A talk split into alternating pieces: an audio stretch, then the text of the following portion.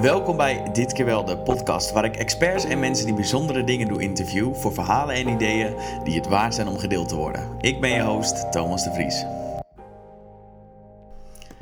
Ja, aflevering nummer 9. Uh, aflevering nummer 10 heb ik ook al opgenomen. En uh, toen ik begon met de podcast was uh, mijn doel om eerst 10 mensen te interviewen en dan te kijken of ik door wilde gaan. Uh, nou, één ding weet ik zeker, ik ga 100% door met de podcast. Ik vind het echt leuk om te doen. Ik heb al heel veel um, leuke mensen ontmoet, leuke gesprekken gehad. Dus um, ik ben van plan om er zeker mee door te gaan.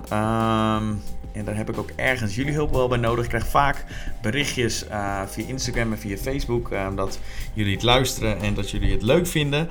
Uh, dus iedere vorm van feedback is welkom. Misschien hebben jullie wel gasten die jullie graag op de podcast zouden willen hebben of onderwerpen die besproken zouden moeten worden. Laat het me vooral weten, dan hou ik daar rekening mee.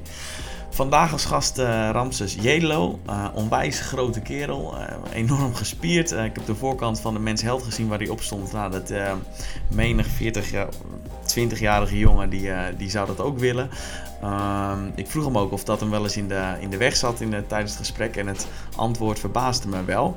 hij heeft een boek geschreven, um, Strak Plan. Met daaraan vast een online coaching service. Uh, daar hebben we het aan het begin van het gesprek over. We hebben het ook over intermittent fasting. Iets wat ik al een aantal jaar doe. Ik was het overigens niet eens met alle dingen die hij zei. Uh, maar ik ben er bewust niet op ingegaan. Ik heb er nog eens over nagedacht. En misschien is het de volgende keer wel leuk om te doen. Een beetje discussie is tijdens zo'n gesprek ook wel leuk. Uh, nogmaals, zeker als je geïnteresseerd bent in fitness, is zeker het eerste deel leuk. Het tweede gedeelte hebben we het meer over het ondernemersverhaal van Ramses. de lessen die hij leerde. Maar natuurlijk hebben we het ook over boeken, ochtendroutines en succes. Uh, een mooie aflevering, uh, zeker een aanrader om te luisteren. Oh ja, als je deze um, podcast via iTunes of via Soundcloud luistert, vergeet je dan niet te abonneren. Oké, genoeg geluld. Veel luisterplezier. Welkom bij dit keer wel de podcast aflevering nummer 9 met vandaag als gast Ramses Jedelo. Oprichter van de Bootcamp Club, een sportorganisatie die inmiddels al 100.000 mensen fit heeft weten te krijgen. Is daarna spreker, fitnessmodel, heeft als veertiger het lichaam waar iedere twintiger die fitness van droomt. Uh, en heeft een nieuw boek geschreven, Strak Plan. Genoeg reden om hem te interviewen. Ramses, welkom. Dankjewel. Leuk dat je gast wil zijn. Leuk. Um, allereerste vraag, hoe jaloers zijn uh, jouw leeftijdsgenoten op je fysiek? Ik zou niet weten al mijn levensgenoten om me heen, die hebben natuurlijk verplicht het programma moeten volgen. Dus die zijn allemaal net zo strak als ik. En de rest, okay. de rest dat weet ik niet. Dus, uh, Oké, okay. ja. Uh, goed man. Oké, okay, en um, ja, nieuw boek, Strak ja, Plan. Ja. Waarom heb je het geschreven? Um, waarom? Nou, de, verschillende redenen. Uh, misschien is de beste reden wel dat ik schrijven heel erg leuk vind. Oké. Ik het bloed kruip waar ik niet gaan kan. Ben tien journalist geweest. En toen ik gevraagd werd voor de Men's Health cover toen vroeg de redactie daar, uh, zou je niet dat ook uh, in een soort van blog willen schrijven en publiceren we dat op de website. En toen heb ik na jaren heb ik eigenlijk het schrijven weer opgepakt. En dat was zo ontzettend leuk om te doen. Ik genoot echt van dat hele proces. Dus die zijn allemaal gepubliceerd, een soort van columns online. En nou ja, toen ik dus klaar was ermee, toen dacht ik, ja maar dit moet ik opschrijven. Ik ga gewoon lekker schrijven, ik ga een boek schrijven. Dat is één reden.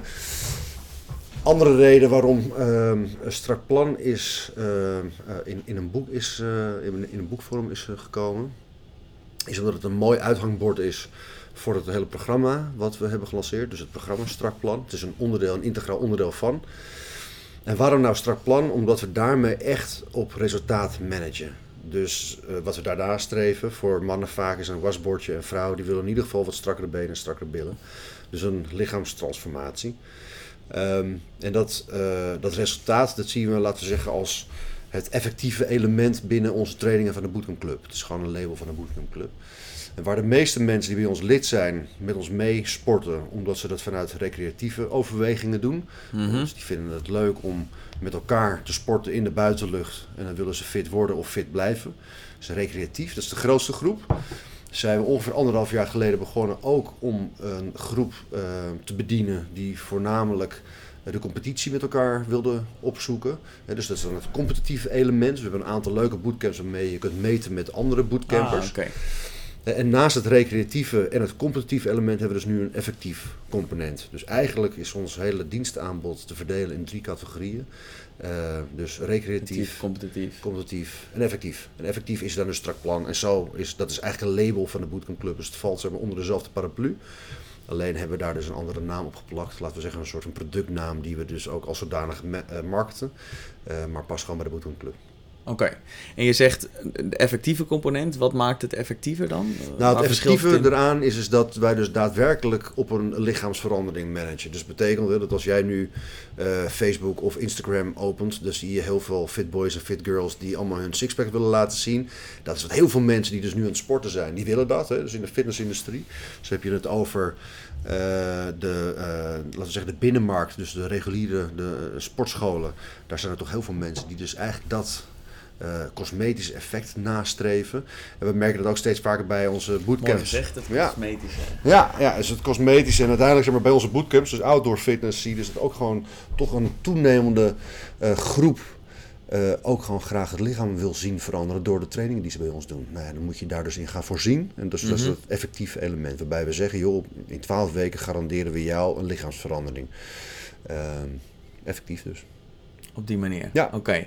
En strak plan is niet alleen training, toch? Eh, het nee, boek? zeker niet. Nee, het, het, boek is opgedeeld eigenlijk uh, in uh, motivatie, beweging en voeding. Elke keer weer. Dus je hebt een aantal voorbereidende hoofdstukken en die gaan daarover. Uh, en dan begin je eigenlijk in het boek aan de twaalf weken. Dat is, een 12, het is een programma van twaalf weken. En ik neem jou al aan de hand mee door het hele proces. Zo heb ik het geprobeerd op te schrijven. Dus een behoorlijk praktische guide. En elke keer in elk hoofdstuk, dus elke week eigenlijk. Mm -hmm. Dus week 1 ja. bestaat uit motivatie, beweging, voeding. Week 2 bestaat uit nou, weer hetzelfde, motivatie, beweging, voeding. Dus zo probeer ik op die drie pijlers elke keer jou mee te nemen. Je te laten inzien wat je moet doen, wat de valkuilen zijn, hoe ik je nog beter kan motiveren. Hier en daar wat tips en tricks, zodat jij dus door het proces heen geleid wordt. Oké, en volgens mij waren er ook drie verschillende fases, klopt dat? Vier fases. Vier fases, Ja, vier fases, dat klopt. Ja, dus allemaal bestaan ze uh, uit drie weken. Oké. Um, Wat 12 maakt. Ja, precies. en dan is het eigenlijk zo dat je dus, je hebt natuurlijk gewoon een beginnersfase, een startfase. Dat betekent dat, uh, dat het, het, is ineens wel wat hè, voor mensen om ineens calorieën te moeten tellen. En ja. ineens te Want dat is een onderdeel, dat ze ja, calorieën tellen. Ja, ja dus, en um, dan moet je ineens je calorieën tellen. Hoe doe je dat dan? En uh, met welke app? En we hebben zelf een app. En, uh, maar hoe werkt het dan precies? En, het is nog best wel gepuzzel om precies op de calorieën te komen die wij jou voorschrijven. En dan moet je dat ook nog in de goede verhouding van macro's doen. Hè? Dus ja, macronutriënten, ja, dus je vetten, eiwitten en koolhydraten. Um, dan moet je er best wel aan wennen. En in die eerste fase van drie weken is het ook zo dat je lichaam moet wennen aan, uh, voor sommige mensen dan uh, elke dag cardio. Ligt er een beetje aan wat het doel is wat je nastreeft. Maar op het moment jij wil afvallen, uh, dan is het in ieder geval zo dat we je ook gaan laten cardio. En bijna elke dag. nogmaals, ligt ook een beetje de mate waarin je uh, af moet vallen. En dan fitnessen of bootcamp. Ja, als je dat dan ook regelmatig doet en daarvoor deed je dat niet, nou dan is er best wel veel om aan te wennen. Dus in die eerste fase staat dat centraal. En, um, en wat, wat houdt wennen dan in? Is het dan dat je dat rustig opbouwt? Of, um... Ja, dus we bouwen het rustig op. We zijn wel streng vanaf het begin. Hè, dus we willen natuurlijk zoveel mogelijk erop voor zorgen dat mensen uh, geen steekjes laten vallen. Uh, maar wat we in de praktijk zien is dat mensen echt nog wel eventjes moeten wennen. Dus dat ze pas na een week of misschien anderhalf of twee weken echt doorhebben wat het is om die calorieën te tellen. Mm -hmm. En ik begeleid bijvoorbeeld zelf nu ook iemand, doe ik niet heel veel, maar en die zei van nou nee, ik doe het al een beetje op gevoel. En dat, dat lukt wel. En als mijn lichaam het nodig heeft, dan voel ik het wel. Ik ken mijn lichaam goed, dus ik doe dat. Nou, ja. Dat is dus niet wat ik wil. Nee. Want wat ik wil, is dat ik precies weet wat jij binnenkrijgt. En als ik zie dat jij of uitgeblust bent, of dat je bijvoorbeeld bulk nog van de energie dan weet ik dat ik nog hier en daar aan een knop kan draaien. Bijvoorbeeld of harder laten trainen of meer cardio kan laten doen. Of dat ik zeg maar je, je uh, calorieinname wat kan, kan veranderen. Maar als ik dus ook niet weet wat voor calorieën je binnenkrijgt, ja, dan kan, dan kan ik niks. Dan nee. kan ik niet sturen. Nee. Dus we zijn heel streng in dat we mensen uh, voorschrijven dat ze ook daadwerkelijk het aantal calorieën binnenkrijgen wat we, wat we voorschrijven. En de enige manier om dat bij te houden is om gewoon te tellen en te tracken.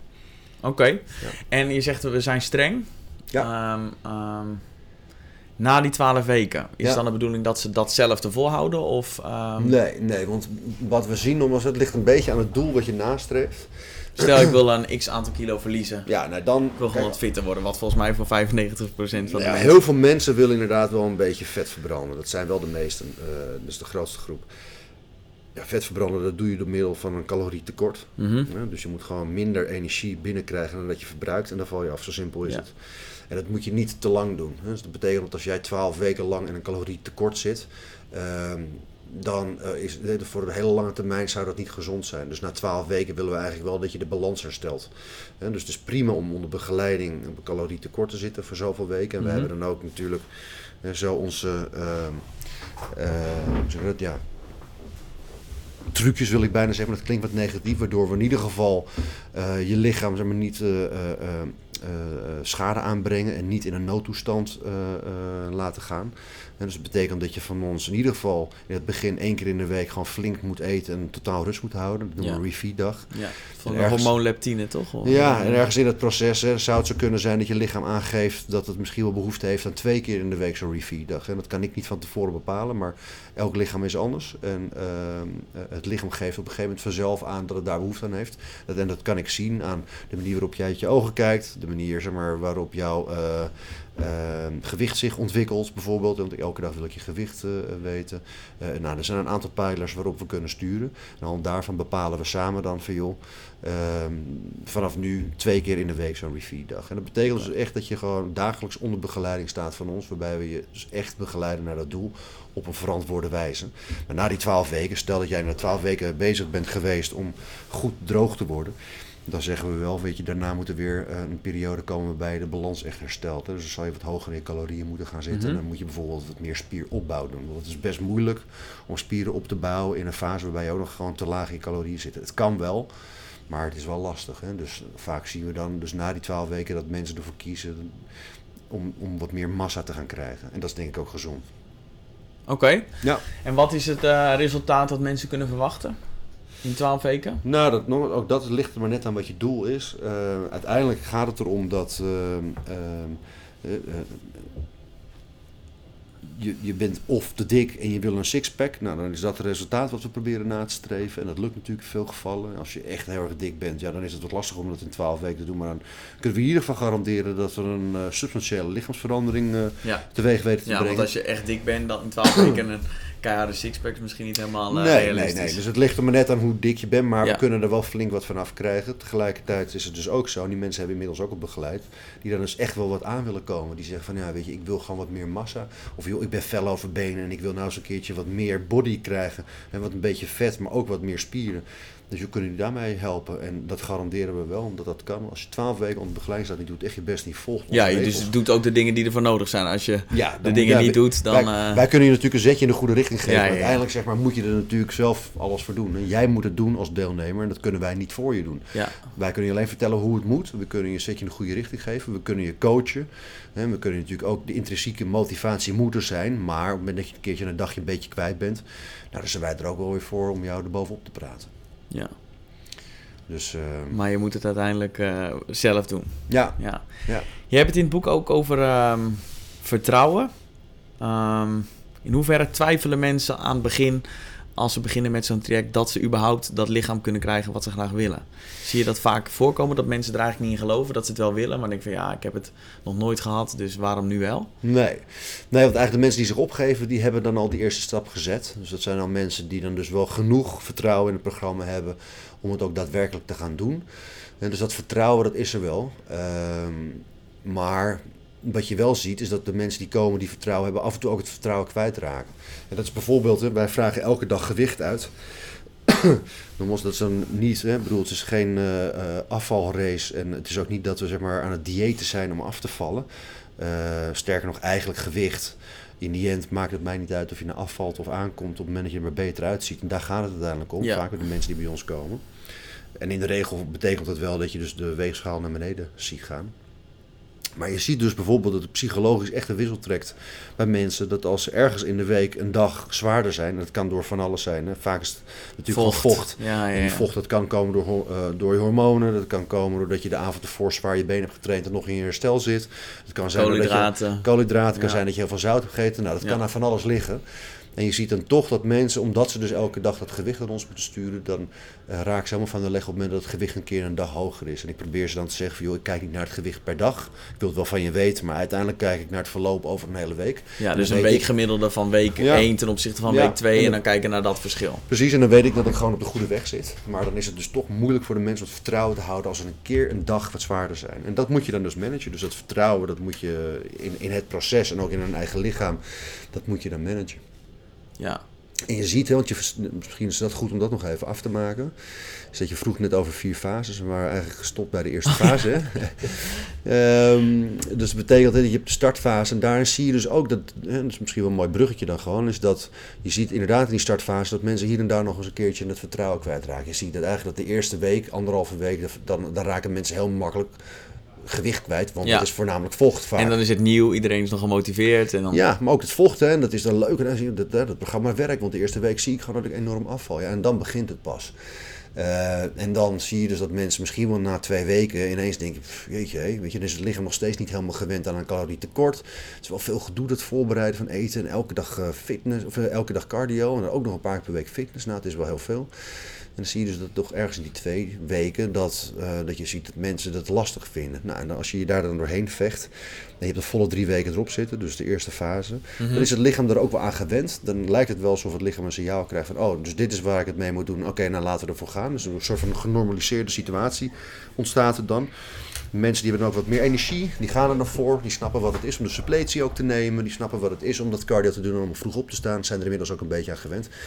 Nou, en dan gaan ze door naar de volgende fase. Dat is dan dus de, zoals wij dat noemen, de volwassenheidsfase. Oftewel, oké, nu moet je gewoon, weet je, geen beginnersfouten meer. Nu gaan we er volwassen in zitten met elkaar, weet je wel. En in die fase zullen we er ook een schepje bovenop doen als het gaat om het fitnessen. Dus het lichaam is er als het goed is een beetje aan gewend. dus vooral bij mensen die heel lang niet hebben gefitness of nog nooit hebben gefitnessd, zou je toch eerst een paar weken je best moeten doen om het lichaam uh, eraan te laten wennen dat er wat spanning komt te staan, de spieren. Ja, de techniek belangrijk. Techniek is belangrijk, al dat soort dingen is belangrijk. En na een week of drie kun je dat zeg maar, allemaal wel iets serieuzer aanpakken als er de eerste drie weken dus regelmatig is getraind. en dat, is, uh, uh, uh, dat zie je dus in die tweede fase, volwassenheidsfase. Dan komt, er komt de volgende fase, er komen eigenlijk nog twee fases. Ehm, de professionaliseringsfase. Dus dat betekent echt dat we de, in, de, ja, in, de, in de derde uh, fase, dus de derde, dus even kijken, week 6 tot en met 9, ja. daar moeten we nog een schepje bovenop doen. Wellicht een ander schema, misschien na vier keer per week trainen, hè, of, het nou bootcamp of fitness is, maar gewoon nog eventjes een schepje erbovenop. Uh, en in de laatste fase gaan we voor de perfectioneringsfase. Dus dat betekent eigenlijk dat we, we gaan voor een zachte landing. Dus ergens waarschijnlijk ben je ergens in week 10 ben je wel ongeveer klaar. Hè. Dus het is niet dat we er dan nog zwaar tegenaan gaan. Sterker nog, wat we zien vaak bij mensen dat het metabolisme zo aan het denderen is door die eerste 10 weken, dat je ook zeg maar het cardio er gewoon kan uithalen. Dus je hoeft eigenlijk geen cardio meer te doen. Je ziet zeg maar, dat er gewoon genoeg verbrand wordt door alleen maar de fitnesssessies die we... Die we wat bedoel je met metabolisme kelderen? Nou, dat dennert door. Kijk, dus wat we doen, een van de dingen, dus een van de trucjes, laten we zeggen, die we toepassen, is proberen jouw metabolisme als een gek aan te jagen. Mm -hmm. En dat doen we door uh, bijvoorbeeld uh, een zware benensessie te doen op de maandag, waardoor je dus 48 uur moet herstellen. Mm -hmm. Weet je, en als je dan nog laag in je calorieën zit en je bent nog aan het fitnessen, dan verbrand je als een idioot. En je ziet dus dat het motortje aan het draaien is en dan mm -hmm. geven we elke, elke week zwengelen we dat extra aan. Waardoor je ziet dat het motortje aan het doordenderen is. Dus ergens zeg maar, along the way zou je zoals zeg maar, bij veel mensen gewoon de cardio er weer uit kunnen halen. Ja. Omdat je al zo ontzettend veel verbrandt. Omdat het motortje zo aan het draaien is. Nou goed, en dat hele spel, hè, dus het, het draaien aan al die knoppen.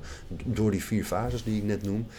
Uh, ja, dat is het spel wat we inmiddels goed beheersen. En uh, het is geen hogere wiskunde, maar je moet wel weten op welke knop je wanneer moet, uh, moet, ja. moet drukken. Ja. En dat is lastig voor mensen om dat zelf te doen. Sterker nog, dat is wel iets waar je echt even goed in moet verdiepen hoe het lichaam nou werkt. Hè. Dus wanneer moet je nou cardio doen? Moet je wel überhaupt cardio doen? Hoe lang moet je dat doen? Op welke heart rate? Dat is wel belangrijk. En fitnessen, weet je, wat zijn de principes in het fitnessen dan? Hoe ja. vaak moet je dat doen? Hoe lang moet je dat doen? Wanneer moet je dat doen? Wat moet je ervoor hebben gegeten of daarna hebben gegeten? Hoe werkt het überhaupt met eten? Nou ja, dat, dat hele samenspel van al die factoren, dat bepaalt het succes. En dat succes weten wij te behalen doordat we een methode hebben ontwikkeld die klopt. Alleen dan is het natuurlijk wel belangrijk dat de deelnemers zich aan onze regels houden. Dus dat betekent echt dat we op het moment dat wij zeggen je moet 1850 calorieën eten, dan moet je ze ook echt eten. Dan mag je niet op de 1300 gaan zitten bijvoorbeeld. Want dat weten we zeker, zeg maar, dat je na een dag of vijf uitgeblust bent en geen energie Ja, meer hebt om, ja, de, om cardio of om de fitness te gaan doen. Merk je dat ook, dat mensen dan toch wat laag gaan zitten, omdat ze denken van nou, weet je wel, extra Zeker. calorietjes die dan... eh, Ja, zeker. Weet je wel, mensen die, die denken dan van nou dan heb ik snel het resultaat wat ik beoog. Nou, dat is dus niet zo. Nee. Je moet natuurlijk gewoon voldoende energie binnenkrijgen om ook het hele proces te kunnen doen. En ook Ja. optimaal te kunnen doen. En op het moment dat je dat energie niet binnenkrijgt, ja, dan mis je je doel. Dus we zien dat eh, inderdaad eh, eh, vaak gebeuren. Ja, dus eh, we moeten mensen echt dwingen om dat te eten. En sterker nog, het grappige is bij mensen is het vaak zo dat ze eh, voordat ze bij ons beginnen, eh, dan eh, krijgen ze wel veel calorieën binnen. Maar een groot gedeelte van hun calorieën komt door allemaal troep wat ze eten. Laat het pizza's zijn, marsjes, patat, nou ja, whatever. Ehm, en als ze dat ineens niet meer doen bij ons en dus gezond moeten eten, hebben ze het gevoel dat ze ontzettend veel moeten eten. Want het zijn natuurlijk best grote hoeveelheden. ja, zeker als je groentes eet, dat Ja. bevat bijna geen calorieën. Nee, precies. Dus compenseer maar eens een keertje die 450 of 500 calorieën van een patatje met. Compenseer dat maar eens in een stukje kip met, eh, met groenten. Nou, dan heb je flinke borden zeg maar, die er binnen moet werken. En het is makkelijker om een patatje weg te krijgen. Dus als je dan ineens van ons 1800 calorieën bijvoorbeeld clean moet eten. Nou, dan zijn het flinke maaltijden over een hele dag genomen. Dus wat wij vaak terugkrijgen is dat mensen zeggen, jeetje, wat moet ik veel eten? Val ik echt wel af dan van het vele eten? Dan zeggen wij, joh, geloof ons dan maar. Dit zijn minder calorieën dan je normaal gesproken binnenkrijgt. Ja. Het zijn alleen complexe calorieën, dus je ontleent er ook meer energie aan. Hè? Ja. eh, Ja. Dus, dus dat, is, dat is belangrijk. Dus je zal je waarschijnlijk gewoon heel energiek voelen. Je zal waarschijnlijk van 's ochtends vroeg tot 's avonds laat, althans laat, maar tot 's avonds zul je zeg maar gewoon een eh, hele constante energiebalans hebben. Dat is ook lekker. Dus weinig suikerdips, omdat we ook op de complexe koolhydraten gaan zitten. Ehm, dus je zal je heel erg lekker voelen. Je zal ook eh, veel energie hebben voor de, de fitness en de cardio eh, sessies. Maar op het moment dat je er dus geen gehoor aan geeft, ik ga minder eten, heb je ook minder energie. En dan ga je Tuurlijk. niet volhouden. Nee. Dus dat is erg belangrijk. Zeker Dus niet zijn als mensen ook nog een baan hebben en een gezin hebben. Precies, En... precies. Ja. Wat eh, vind je van intermittent fasting? ja, het wordt mij heel erg vaak gevraagd eh, de laatste tijd. En, eh, Ik ben niet origineel. Dat beticht ik je niet, dat is een goede vraag.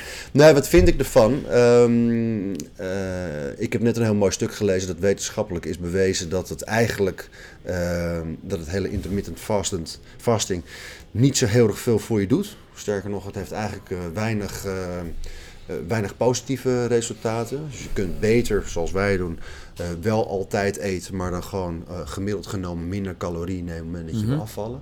Dus het intermittent fasting, dat draagt daar niet meer aan bij. Dus je valt niet sneller af en ook niet op een verantwoorde, beter verantwoorde wijze. Wat stond er dan in dat? eh, Nou, dit stond er dus in. maar je zegt dat het niet veel ehm, voordelen heeft. Niet, Nee. Maar Nee. ook negatieve ehm, Ehm, effecten? Of? nou, dat ligt er ook een beetje aan hoe je intermittent fasting, ehm, eh, hoe je dat toepast. Hè, dus je kunt bijvoorbeeld... eh, ik doe 16-8. Ja, precies, nou, dat bedoel ik. Hè? Dus je kunt natuurlijk gewoon 's ochtends zeggen van nou, ik eet alleen zeg maar, eh, ik eet in de ochtend niet, ik ga smiddags pas eten. Nou, en dan opgeteld met je, met je nachtrust, die misschien 8 uur is, Ja. heb je zeg maar zo 12 uur niet gegeten. Ja. En dan ga je pas weer eten. Maar dat is wat anders dan sommige mensen die bijvoorbeeld een hele dag niet eten. ja, en dus dan één 48 uur of ja, eh, of dan één dag 72 weer wel. Hè? Dus dan, Ja. Bijvoorbeeld dat ze om de dag eten. Dat zou ook nog kunnen. Dat, is- dat is ook intermittent vast. Dus daar zitten verschillen in. Ehm, maar uiteindelijk, eh, wat wij eigenlijk doen bij strak plan is zo dat je natuurlijk s'nachts, en dat is bijna voor iedereen zo, eet je niet. Dus dat dan, daarom, we doen ook cardio op de lege maag, en noemen we ook fasted cardio. Oftewel, je hebt eigenlijk gevast gedurende de nacht en daarna ga je met een lege maag op je, op je bike zitten of je gaat hardlopen buiten of wat voor vorm van cardio dan jij ook fijn vindt. Eh, en dat is dan fasted cardio. Ehm, hè, dus dat is dan het enige principe misschien qua vasten wat wij dan dus ook erop nahouden. Maar verder ehm, past het in ieder geval sowieso niet in het programma. En dan Nee. wetenschappelijk, en dat heb ik Ja. net gelezen, wetenschappelijk is niet bewezen dat het goed voor je is. Sterker Nee. nog, als je dus inderdaad langere periodes aan het vasten bent, dus echt een hele dag vasten Ja. en dan weer een dag niet, dan kan het zelfs schadelijk zijn, omdat je lichaam er toch in een noodtoestand eh, eh, geraakt en misschien wel hier en daar ehm, alles wat binnenkomt als reserves gaat opslaan. Ja. Dus hoe langer zeg maar, de periode van vasten, hoe groter de kans is dat, eh, dat je in een noodstand eh, raakt. En uiteindelijk gaat het om die totaal aantal calorieën. Of je nou Ja. 4, 5, 6 of één- het gaat om die totaal aantal calorieën natuurlijk. Ja, kijk, en bij ons is het ook nog eens een keer belangrijk. Wij zijn er ook heel streng op wanneer je wat eet. En bij ons kan het eigenlijk niet zo zijn dat je gewoon helemaal niks eet een periode. Dus uiteindelijk is het zo dat op moment dat je, in, in, in de meest ideale wereld zou jij 's ochtends van ons moeten kracht trainen. Ehm, als jij bijvoorbeeld ehm, eh, wil vet verbranden, Mhm. dan is het bij strak plan schrijven we voor dat je 's ochtends vooral heel zwaar eet. Dus eh, in, de regel is dat dan toch ook heel vaak je koolhydraten. Dus een goede stevige maaltijd ochtends als je zeg maar, eh, wakker wordt en dan na je cardio. Dus na je fasted cardio. Ehm, dan bijvoorbeeld om een uurtje of tien nog een tussendoortje waarbij de calorieën, eh, waarbij de koolhydraten ook hoog zijn. En dan misschien met je lunch ook nog. En daarna bouwen we eigenlijk af en dan gaan we naar steeds lichtere maaltijden. Zodat je s'avonds alleen nog wat vis en groente bijvoorbeeld eet, weet je wel.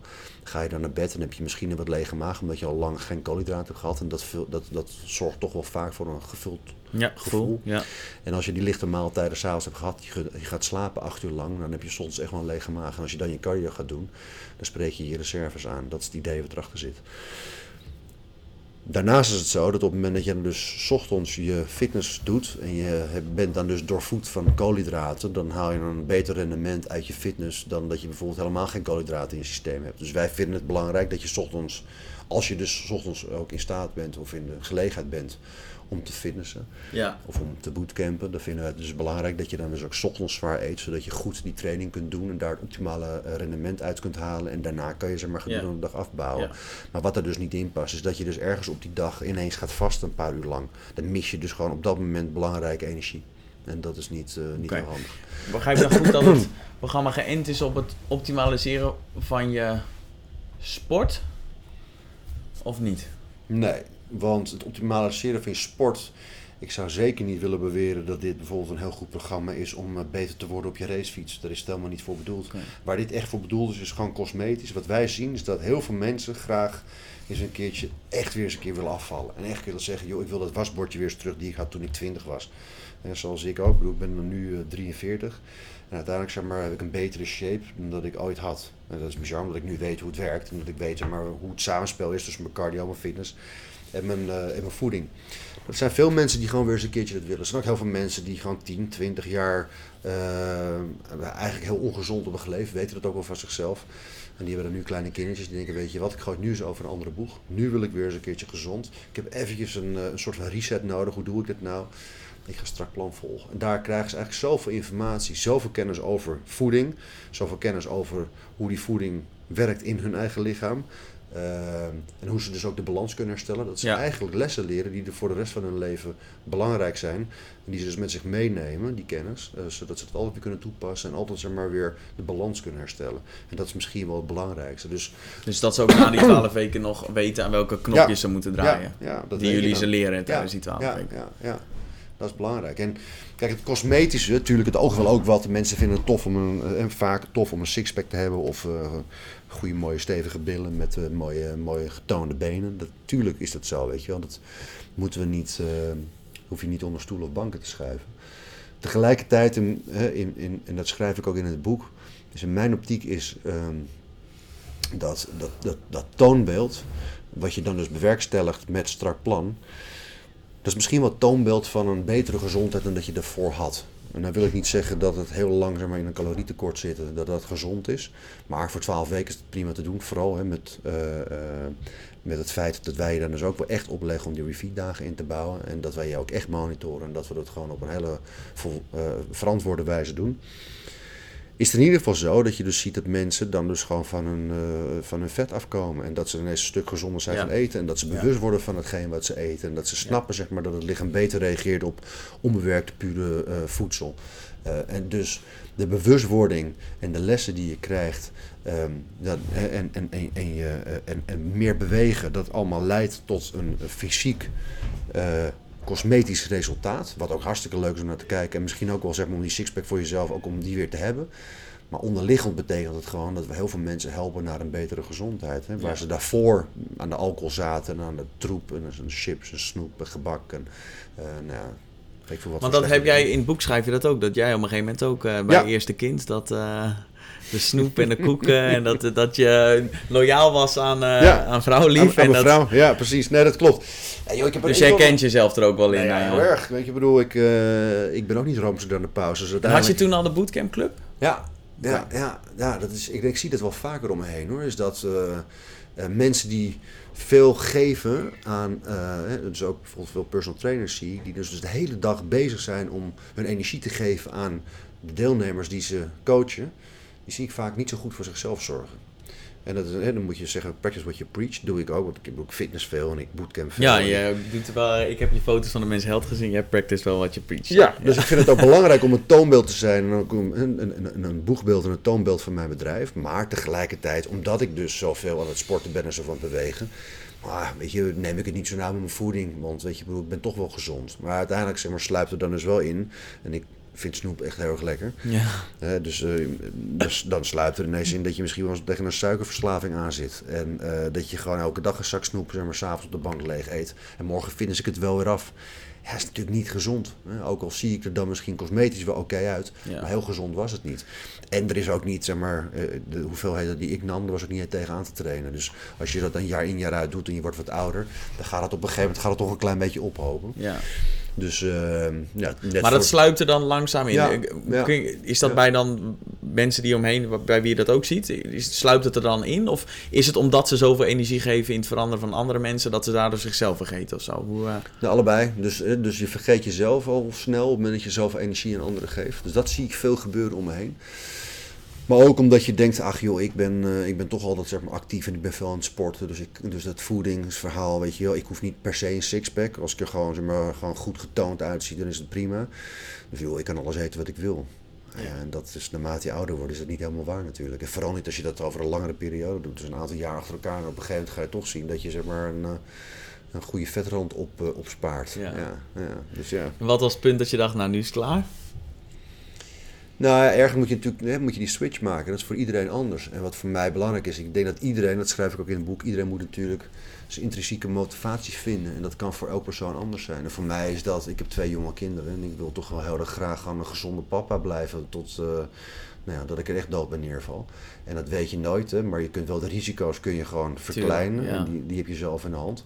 Nou, dat is dus gezonder door het leven gaan. Dus in mijn uh, geval is het zeg maar zo dat die twee kleintjes, uh, dat is wel mijn drijfveer om een gezonder leven te leiden. Dan dat ik altijd deed. En zo ongezond was ik niet, hè. Dat, uh, laat het wel duidelijk zijn. Ik denk dat ik, omdat ik zoveel sport en heus wel gemiddeld genomen gezonder eet, denk ik dan, nou dan, dan de gemiddelde Nederlander, dan nog steeds is het zo dat ik ook me vergrijp of vergreep dagelijks aan zeg maar zak snoep. En dat laatste is natuurlijk niet goed. Dus nou ja, dan wil je voor je kinderen wil je zeg maar dat ze uh, zo lang mogelijk volhouden. Dat je wel gewoon als een uh, leuke papa erachteraan kan rennen en samen met ze kan voetballen. En, dat hoor ik vaker van mensen met kinderen. Dat dat echt wel een, een zware precies. motivatie is. Ja, precies. Goed. En je bent in je boek, zeker aan het begin, de introductie, ben je best wel streng of hard of zo. Dan zeg je wel eventjes van ja, hoe lang ga je nou nog wachten? En uh, heeft dat een reden? Omdat je ook zoiets hebt van nou, mensen moeten inzien dat ze niet goed bezig zijn, want anders gaan ze niet veranderen. Ja. Als je ze met fluwelen handschoentjes. Zeker. Uh... Ja. Nou, ik heb, wat ik probeer in het boek is dat ik, uh, dat ik mensen ook gewoon heel direct toespreek. Nou, dus ik heb veel. dat veel... doe je. Ja. nee, dus ik heb veel boeken, ik heb veel boeken gelezen zeg maar, uit, uit de fitnessbranche die en ehm, uh, niet om mijn collega's nu zeg maar, tegen de schenen te uh, schoppen, maar ik vond het vaak droog. En dan sloeg ik ze open, dan ging ik lezen en ik jeetje wat saai. En als ik dan met een uh, bovenmatige interesse in fitness hè, en ook gewoon vanuit mijn vak, als ik dat dan al saai vind en eigenlijk wil afhaken, mm -hmm. ja, je, dat, is, dat is niet goed. Want hoe zal dan zeg maar, de gemiddelde consument Ja, die niet eens een nee, groot interesse heeft in fitness, nee. hoe gaat hij het dan lezen? Ja, die haakt ja, natuurlijk gewoon af bij bladzijde ja. 10. denk je, jeetje, dat is niet van mij. Dus wat ik geprobeerd heb om te doen, is om direct te zijn Um, je het gevoel te geven dat ik eigenlijk gewoon tegen je aan het praten ben. Um, dus levendig te schrijven, af en toe met een grapje, met een knipoog. Um, ik wilde het praktisch houden, er zitten praktische uh, uh, rijtjes in. waarbij het ook nog eens zo is eigenlijk dat je dus de voorbereidende hoofdstukken moet lezen. En daarna kun je volstaan met steeds maar één hoofdstuk per week te lezen. Dat is eigenlijk heel erg weinig. Dus je hoeft niet het boek van A tot, 6, van A tot Z meteen te lezen. Um, dus ja, echt je aan de hand te nemen, je doorheen te, ja. praktisch doorheen te helpen. Ja. ja. Dus maar inderdaad op een directe manier, ja, weet je, het moet er niet omheen draaien. Nee, nee. nee dat deed je, nee, nee. dat deed je zeker niet. je hebt het ook over um, dat het belangrijk is om um, bereikbare subdoelen te stellen en je overwinningen te vieren. Ja, Waarom zeker. is dat belangrijk? Nou, het ik is ver, volledig mee eens hoor. Maar... Ja, nou, het is best wel ver. hè. Ik bedoel, 12 weken om je dan alleen maar op het einddoel te gaan richten. eh, dat, is best, eh, nou, dat is best een lange tijd. Weet je, als daar je enige eh, overwinning ligt. Ja, dat is, dat is bijna niet, voor mensen niet zeg maar, voor te stellen hoe je er dan over 12 weken uit zou zien. Ja.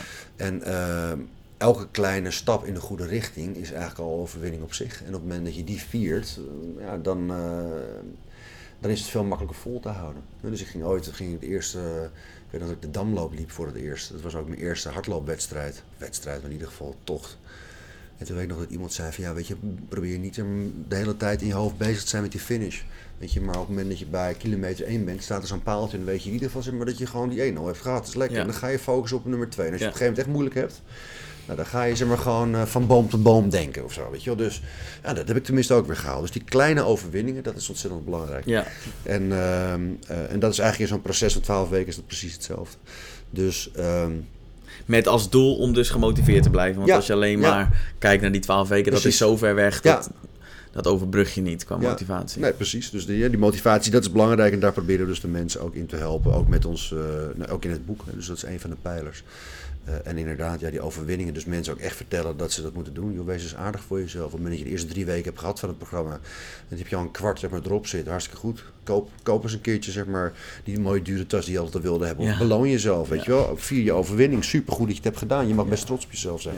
Mensen vergeten dat. Hè, om zichzelf af en toe ook een schouderklopje te geven. En. Als je omgeving dat niet doet, dan moet je soms ook lief zijn voor jezelf. Ja. Oké, duidelijk. Ja. Ehm, ik las nog iets in je boek en dat wil ik ehm, eigenlijk een beetje gebruiken als brug naar eh, je ondernemersverhaal. Ja. Ehm, ja, want ik, zie je toch wel als... Ik heb je een beetje verdiept in je als succesvol eh, persoon. Dus ik ben heel benieuwd hoe, eh, hoe je daar gekomen bent en eh, nou ja, allemaal dat soort dingen. Je zegt het leven is voor een deel maakbaar. ja. Sommigen noemen dat de law of attraction. Ik ben heel benieuwd, geloof je daarin, de law of attraction? Nou, dat is een lastige. Eh, ik geloof wel dat je van alles over jezelf kunt afroepen. En inderdaad dat het leven een deel maakbaar is. Zeggen de law of attraction, zoals het boek bijvoorbeeld ook geschreven is, daar is niet elk principe wat daarin staat wat ik dan weer aanhang. Ik geloof niet dat je zeg maar de hele tijd naar de hemel moet kijken en moet denken, oh dat is wat ik wil en dat het dan op een gegeven moment je moet. Je moet er wel wat voor doen. Ja, ik- Je moet er wel wat voor doen. Ja. Snap je? Maar Ja. eh, het, het is wel maakbaar. Kijk, je, kunt, je hebt altijd een keuze. Je kunt enorm je best doen om, eh, om het een en ander naar je hand te zetten. En, en dus is het leven een, eh, een, een deel maakbaar. En ik geloof inderdaad wel, nogmaals, wie goed doet, wie goed ontmoet. Ik geloof dat, zeg maar, dat het leven dus inderdaad, dat, dat er een law of attraction is. Dat geloof ik wel. Alleen niet zo zweverig als dat. nee, niet alleen maar denken van het komt goed, het Nee, komt goed, dat nee, het dan ook wat- komt. nee, je moet er ook ja. wel wat voor doen. Precies. Oké, duidelijk. Ehm, ja, je bent begonnen als ondernemer. Volgens mij had je eerst een uitgeverij. Ja. Je zei net dat je journalist was. Ja, Ehm, daarna heb je volgens mij de Bootcamp, bootcamp Club opgezet. Ehm, hoe is dat begonnen, je carrière als ondernemer? Hoe mijn, hoe mijn carrière als ondernemer begonnen is. Ja, Eh, nou, dat begon al best wel vroeg. Toen ik, eh, ik studeerde communicatiewetenschap aan de Universiteit van Amsterdam. En een eh, vriend van mij die wist ineens alles van internet. En dat kan jij je niet voorstellen, maar het was in de tijd dat er nog geen internet was, was er ineens internet. En ik dacht, wat is dat? Dus die was toen aan het programmeren en zo. En ik snapte er helemaal niks van. Ik kon er ook geen voorstelling van maken wat dat nou precies was, dat hele netwerk. En ehm, daarin verdiept samen met hem. En uiteindelijk vonden we het zo tof dat we dus een bedrijfje zijn begonnen in, in webdesign. Dat deden met twee andere jongens, ook programmeurs. Dus het waren dus bij elkaar drie programmeurs en ik. En ik was de commerciële van het stel en ik moest het verkopen. Dus toen was ik eh, nou, begin 20, ik denk ergens 21 of zo dat ik was. We hadden een bedrijf en toen zijn we dus allemaal bedrijven eh, gaan benaderen om te kijken of we daar een website voor konden maken. Nou, dat liep toen best aardig. Dus waren, toen was het nog zo dat de Rabobank, die had, eh, eh, en over- overigens ABN AMRO ook bijvoorbeeld, die hadden allemaal lokale websites. Dus dat was niet één website over heel Nederland, maar iedereen had zijn eigen website. Dus elk rayon had zijn website en wij mochten voor zo'n rayon een website maken. Dus dat was een hele leuke eerste klant. En vervolgens hebben wij een, een, een website bijvoorbeeld gemaakt voor de Jelinek Kliniek in Amsterdam. Dit waren niet de websites zoals je ze nu hebt waarschijnlijk. eh. Nee, nee, nee, tuurlijk weet je, dat is wel enorm gedateerd. Maar we hebben bijvoorbeeld ook voor een hotel, dat heet Hotel Europa 92, dat bestaat nog steeds. Dat is de eerste Constantijn Huygenstraat in, in Amsterdam. En daar hebben we toen een, eh, een website voor gemaakt met allemaal informatie over de, de kamers en over het hotel. Maar ook een boekingssysteem, dat mensen ook daadwerkelijk zeg maar, Hmm. vanuit het buitenland konden boeken en konden betalen. Dus er zat al een heel betalingssysteem achter. En daar praat ik over, ik denk dat dit in 19... 97 of zo was. Dus ik denk dat het, hè, het internet begon een beetje, 495 begon het een beetje commercieel op te komen. En dan voor het publieke domein. We waren best wel snel, best wel vroeg. En hadden een hartstikke leuk bedrijf. Maar we waren te jong. Dus we hebben het anderhalf jaar denk ik gedaan. En toen, ja, die gasten, zeg maar, die andere twee programmeurs, die wilden liever bier drinken en blowen. Dus uh, dat ging niet zo goed samen. was Ja, nee, dus toen zijn we gestopt met het bedrijf. Maar daar begon het eigenlijk mee. Hoe oud was je toen? Ja, ik denk 21, zoiets. Ja. En, uh, en altijd wel daarna uh, ondernemer gebleven. Dus ik heb, toen ben ik een, een eenmanszaak begonnen. Dan heb ik mezelf uh, verhuurd als consultant en als docent aan de Erasmus Universiteit. Deed ik een postdoctorale opleiding e-commerce, gaf ik. Samen met Ben Tichelaar. ik mocht het praktische gedeelte vaak voor mijn rekening nemen. Hij deed het theoretische gedeelte. Uh, ik heb boeken geschreven toen, ook samen met Ben Tichelaar bijvoorbeeld. Uh, ik heb ook onderzoek gedaan aan universiteiten. Uh, dus nou, zo was ik bezig eigenlijk in mijn eentje. Als, als, als eenpitter werd ik, werd ik ingehuurd. Toen ik op een gegeven moment steeds meer wist van, van mobiel internet. Ik schreef mijn scriptie daar ook over. Ik was toen bijna afgestudeerd. En toen ik daar zoveel van wist, en ik had me zo erg in de telecom verdiept. En eigenlijk zeg maar in de mobiele kant van het internet. Mm -hmm. Toen was het nog echt een scheiding. Mm -hmm. Uh, toen dacht ik, ja, maar hier wil ik eens een keertje wat over, over schrijven. Ik publiceer, ik vind het leuk om te schrijven. Dus ik ben toen een artikel geschreven, toen heb ik de stoute schoen aangetrokken. Dat heb ik opgestuurd naar een uh, redactie van toen een telecom vakblad. Het heette Connectie. Er waren er toen drie in de markt. ik vond Connectie de leukste. En um, toen werd het uh, tot mijn verrassing gepubliceerd. En nadat het gepubliceerd werd, dat artikel, toen vroeg de toenmalige hoofdredacteur van, joh, kun je langskomen? En toen ik langskwam, toen hebben ze me de baan van hoofdredacteur aangeboden. Nou, ik had de ballenverstand van bladen maken, maar ik was jong en kakkie, dus ik denk dat doet Ja, ja, ja. Dus uh, toen was ik volgens mij 27. Zoiets, 26, 27. En toen ben ik dat dus gaan doen ad interim, want ik had mijn eigen bedrijf. Dus ik wilde mezelf verhuren, ik wilde niet in dienst. En uh, dat ging eigenlijk best wel goed. En toen het begin van deze eeuw, toen klapte de dotcom-bubbel. Economie ging slecht. Ik was jong, ik had niet echt een groot netwerk. En ik denk, ja, ik als één pitter ga het niet redden, zeg maar, nu uh, in deze moeilijke economie. Toen kreeg ik uh, aangeboden of ik niet in loondienst wilde als uh, hoofdredacteur. In plaats van ad interim, zoals ik dus mezelf verhuurde. Toen dacht ik, ja, dat is misschien ook wel slim ook. Dus toen ben ik eerst drie maanden rond de wereld gaan reizen met een vriendje van me. En toen ben ik in loondienst gegaan als, als hoofdredacteur. En toen werd de uitgeverij waar ik werkte, die werd overgenomen door een andere grote uitgeverij van Erik de Vlieger, een mooie ondernemer. Die was een media-imperium aan het bouwen. Toen hadden we ineens 14 magazine-titels. We hadden een radiostation, uh, we hadden een uh, tv-productiemaatschappij. We maakten een krant daar. Uh, nou, prachtig imperium. En um, ik weet nog goed dat Erik de Vlieger tegen mij zei joh, je doet het hartstikke leuk. En toen vroeg hij, wat wil je nou eigenlijk? Wat wil je? Ik zei, nou, ik wil eigenlijk wel niet meer hoofdredacteur zijn. Ik wil gewoon uitgever worden. Oké, dan regelen we dat. Dus ik denk een maand later maakte hij mij uitgever. Uh, en dat was leuk, zodat ik ineens zeg maar, allemaal uh, hoofdredacteuren die ik mocht aansturen. En ik was verantwoordelijk voor, een, voor special media. Dus we deden veel sponsored magazines. Dus bijvoorbeeld het Ajax magazine wat we maakten.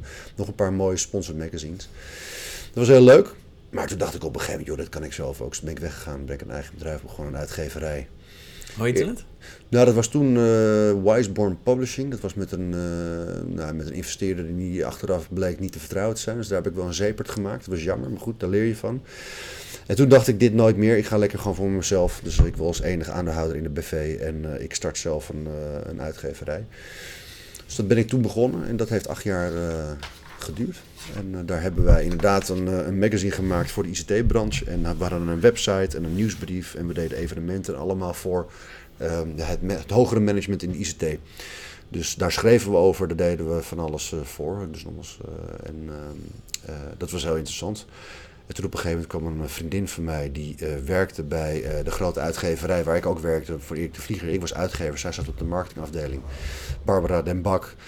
Die zei van, joh, ik, uh, ik word me gek van het mediawereld. Ik wil eruit, ik wil iets met sport gaan doen. En dan hebben we contact gehouden. En uiteindelijk kwam zij op het, uh, op het idee om uh, iets met bootcamp te gaan doen.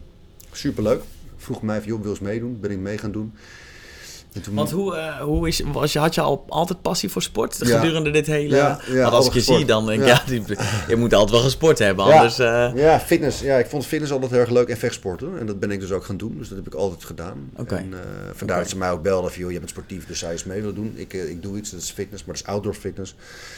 Nou, toen was ik meteen uh, verliefd op het hele bootcampen. En uh, een paar maanden later belde haar man mij. En dat, uh, dat is een vriendje van mij. En die zei van, joh, het groeit er echt boven het hoofd. Ze heeft nu ja, best wel wat aanmeldingen in Amsterdam. En ook in het gooi gaf ze toen les. Zou je niet willen helpen? Ik ben er om tafel gegaan weer, maar dan dus op een andere manier, dus zakelijk. En toen gekeken van, joh, wat, wat wil je? En toen bleek dat ze een, een zakelijke partner zocht. Toen zijn we samen hebben we een BV gemaakt. Dus eigenlijk van die uit de hand gelopen hobby die het was. Ja. Uh, en dat is overigens grappig. Ik kreeg vanochtend een melding van LinkedIn dat het vandaag acht jaar geleden is dat ik dus begon.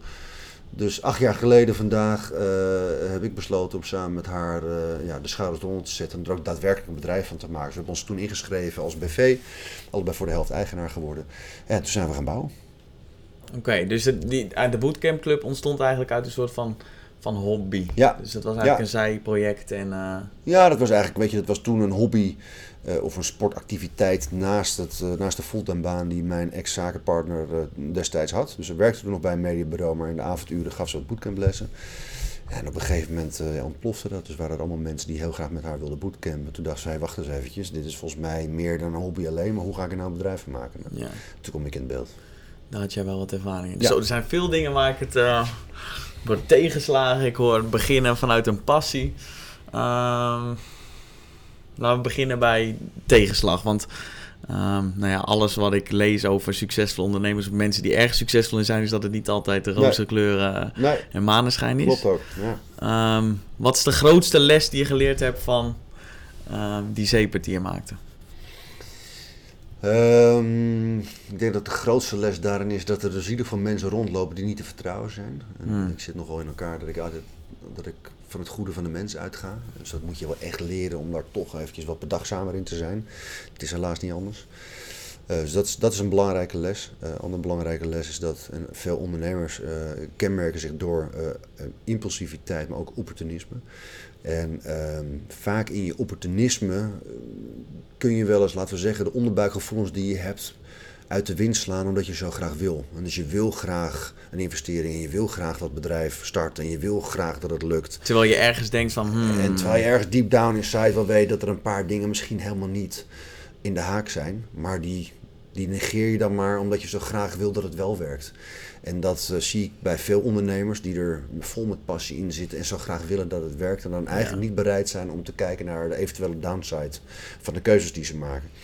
En dat heb ik wel als jonge ondernemer moeten leren. Hè, met, al mijn optimisme wat ik in me heb. En ik denk dat het een goede eigenschap is, maar dat heeft dus ook een keerzijde. Uh, en, en daar moet je, je moet leren vertrouwen op je gevoel. Leren vertrouwen op je onderbuikgevoel uh, met name. Uh, en dat heb ik wel geleerd door de jaren heen. Maar dat is wel een hele wijze les die ik heb getrokken uit toen, toen die zeper die die ik had. Ja.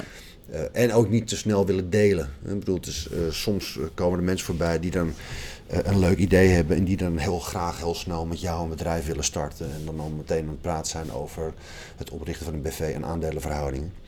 Ja, dat moet je allemaal niet heel snel willen. Dus wanneer, ik heb... wanneer moet je dat willen? Je... Nou, als het goed voelt en als iemand een, dus dat is belangrijk, en als iemand een, een, een hele substantiële toegevoegde waarde levert okay. op jou en complementair is bijvoorbeeld.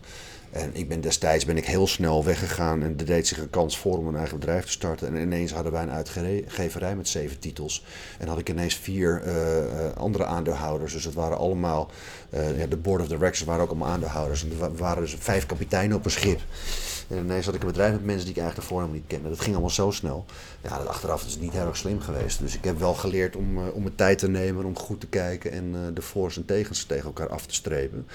Um, ja, yeah, what doesn't kill you makes you stronger. Het was destijds niet leuk. Vooral niet als je zo jong bent. Dan heb je toch wel even, krijg je flink de deksel op je neus. Maar achteraf is dat een hele waardevolle uh, les geweest. Ja, want je zei in een interview dat ik zag van je over de Bootcamp Club... dat je op een gegeven moment ook echt heel snel groeide. Ja. Maar dat je dat toen hebt wel weten te managen. Is dat ook vanuit die ervaring die je toen... Uh... Nou, dat is een ander soort groei. En het, andere is... Uh, nee, dat is iets anders. Okay. Want de... de groei die wij doormaakten, die was zo onstuimig in het begin. Is dat je dan, en dat zie je wel vaker overigens bij bedrijven, is dat je dan het aan de achterkant wel moet weten bij te benen. En dus dat, is, dat hoor je wel eens misschien, het bedrijf is kapot gegroeid. Ja, dat kan. Als het ineens zo ontploft, ja, hoe kan je dan nog aan de achterkant zeg maar, zo goed managen dat het ook daadwerkelijk klopt? Dat je ook daadwerkelijk kunt leveren. Hetgeen kunt leveren wat je zegt dat je kunt leveren. Ja. Dus aan onze kant was het wel in het begin, uh, voornamelijk, was het wel ervoor zorgen dat het kaartenhuis niet in elkaar zou zakken. Uh, en dat is dus inderdaad gelukt, maar dat was wel gewoon flink aanpoten. Ja. ja, omdat we dus aan de buitenkant leken alsof het ontplofte. Dat was het ook. Dus iedereen wilde ineens bootcamp. Ja. Nederland schreef erover en we waren in alle media. En ineens was bootcamp helemaal ding. En wij zaten met z'n tweeën maar, te werken uh, wanneer je eens een kantoor. Ja, dat was toch best wel lastig. Dus dan moet je ineens moet je dus de processen die dus horen bij zo'n aan de buitenkant en aan de voorkant grote organisatie. Dus aanhalingstekens. Ja, dan moet ja dat leek al heel wat, maar je ja. was er met z'n tweeën. Ja, dat was, we waren met z'n tweeën. Ik weet nog heel goed wat tekenend was. waren we, toen waren we inmiddels met z'n drieën. Dus toen hebben we een office manager. Maar toen zaten we op een heel klein kantoortje. En toen weet ik nog dat we een, eh, een mooie actie konden doen met de Veronica magazine. En dat was tientjesactie. Dat betekent dus dat je uh, voor een tientje kreeg je dus toen drie lessen bij de Boetum Club. Dus een losse les destijds verkochten we, ik geloof voor 10 euro. En toen was het dus zo dat je dus voor drie lessen kreeg je dus, of eh, voor 10 euro kreeg je dus drie lessen via Veronica. Mm Maar wat wij in onze algemene voorwaarden altijd hadden staan, is dat als iemand zich bij ons aanmeldt, dus een account aanmaakt, krijg je een gratis les. Dat is een proefles.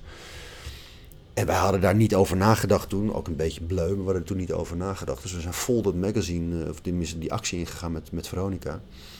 Het waren dus ineens allemaal mensen die heel erg boos waren dat ze dus, als ze zich hadden aangemeld, dat ze bovenop die drie lessen die ze dus voor het tientje kregen, dat ze niet ook nog die vierde les kregen, namelijk die proefles die je sowieso standaard krijgt. Nou, wij moesten dus heel erg wennen aan de hebberigheid zeg maar, van consumenten op dat moment. Niet iedereen overigens hoor, maar wel een, een, een, substantieel deel van de consumenten die dus echt boos waren dat wij zeiden, ja, het zijn gewoon drie lessen. Nee, nee, maar je krijgt toch een gratis les, we moeten er vier zijn. Maar toen werden we dus ook gebeld door mensen. En ik weet nog dat een van die mensen die ons belde, echt mijn, uh, uh, mijn toenmalige zakenpartner, door de telefoon zo vertrokken, zei...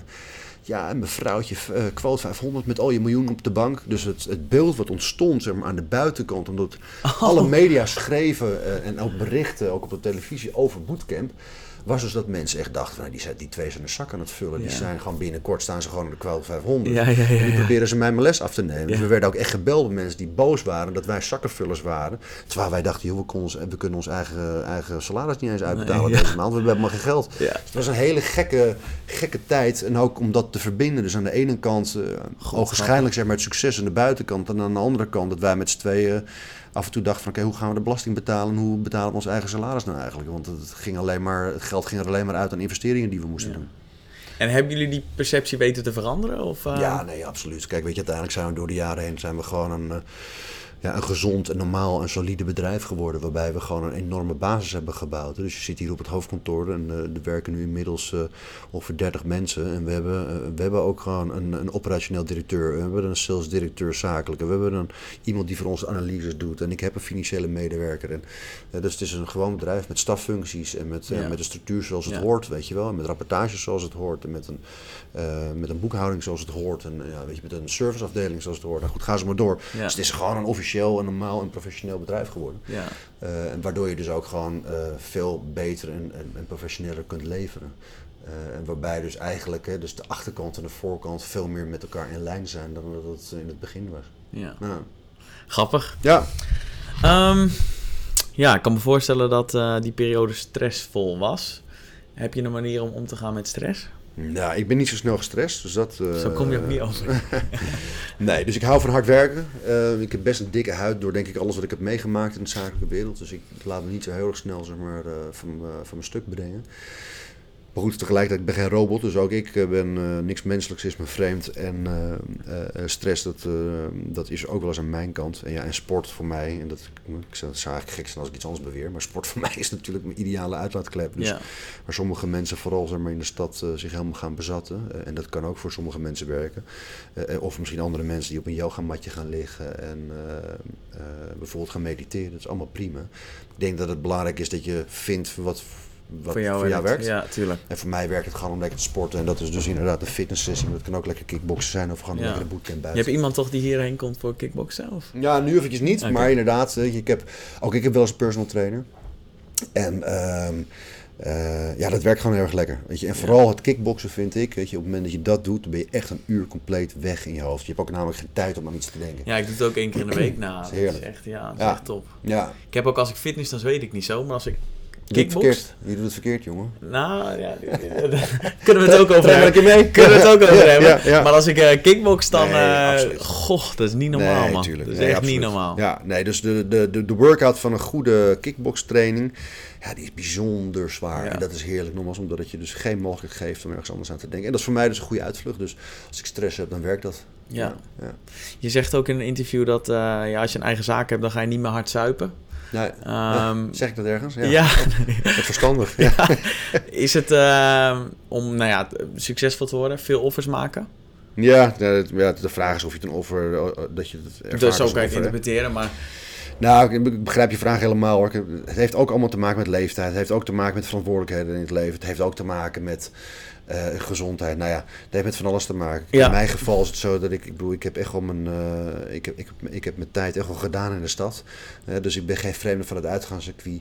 en ik denk dat ik het ook allemaal wel heb gezien. En dat klinkt een beetje oud, en misschien is dat het ook wel. Maar ik heb voldoende feesten, festivals meegemaakt. En ik heb elke kroeg van Amsterdam wel gezien en meer dan. En ik heb vaak genoeg ook over straat ges, geswalkt.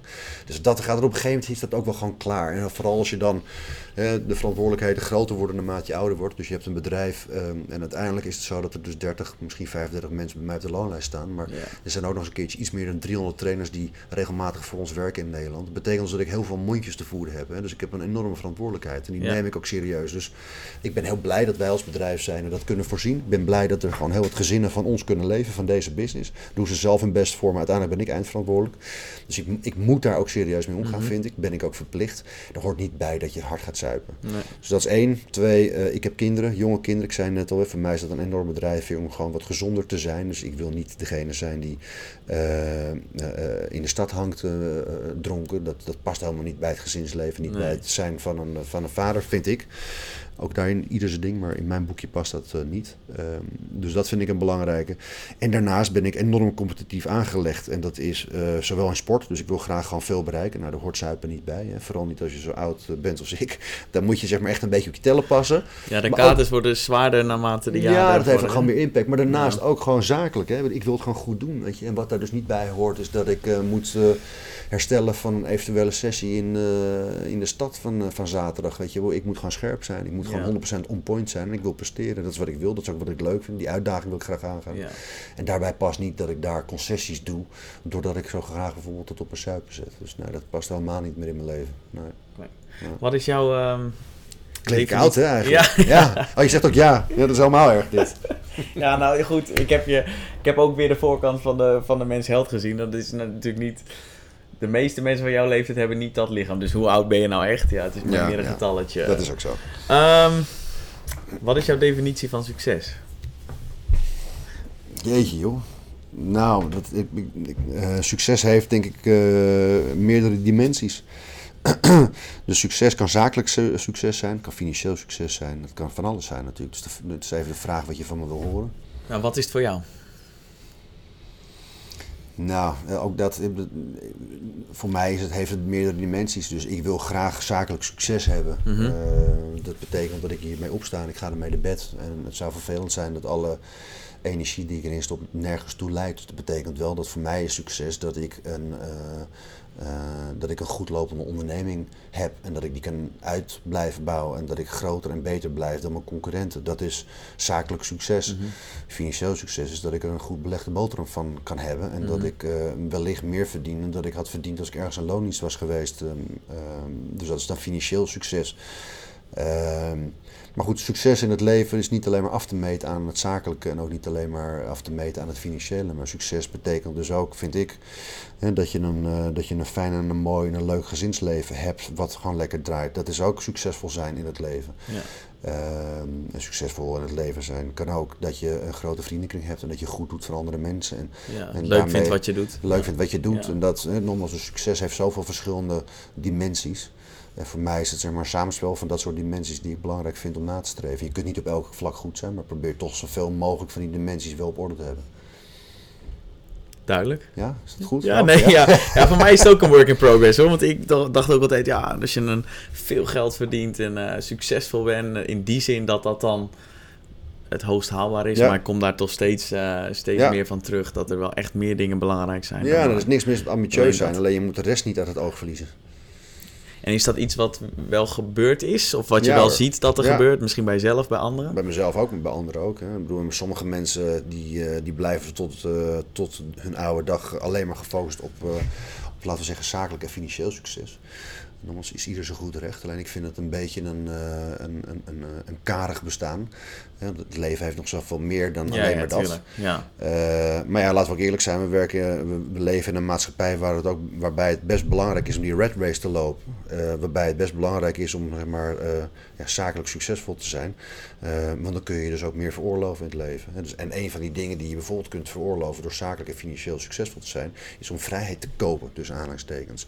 Dus je speelt jezelf vrij om weer andere dingen te doen. Om jezelf misschien wel op heel andere gebieden te ontwikkelen. En om wat meer Ehm, van je vrijheid bijvoorbeeld te genieten. Doordat je zakelijk en financieel succesvol bent. Dus het kan een middel zijn. Dus Prince, die zei ooit: Money don't buy you happiness, but it will pay for the search. Nou, dat is denk ik wel de kern van waar het om draait. Is dat money is fijn, maar het kan niet het doel op zich zijn. Grappig, ik had een vraag: wat is je favoriete quote? Is dat hem?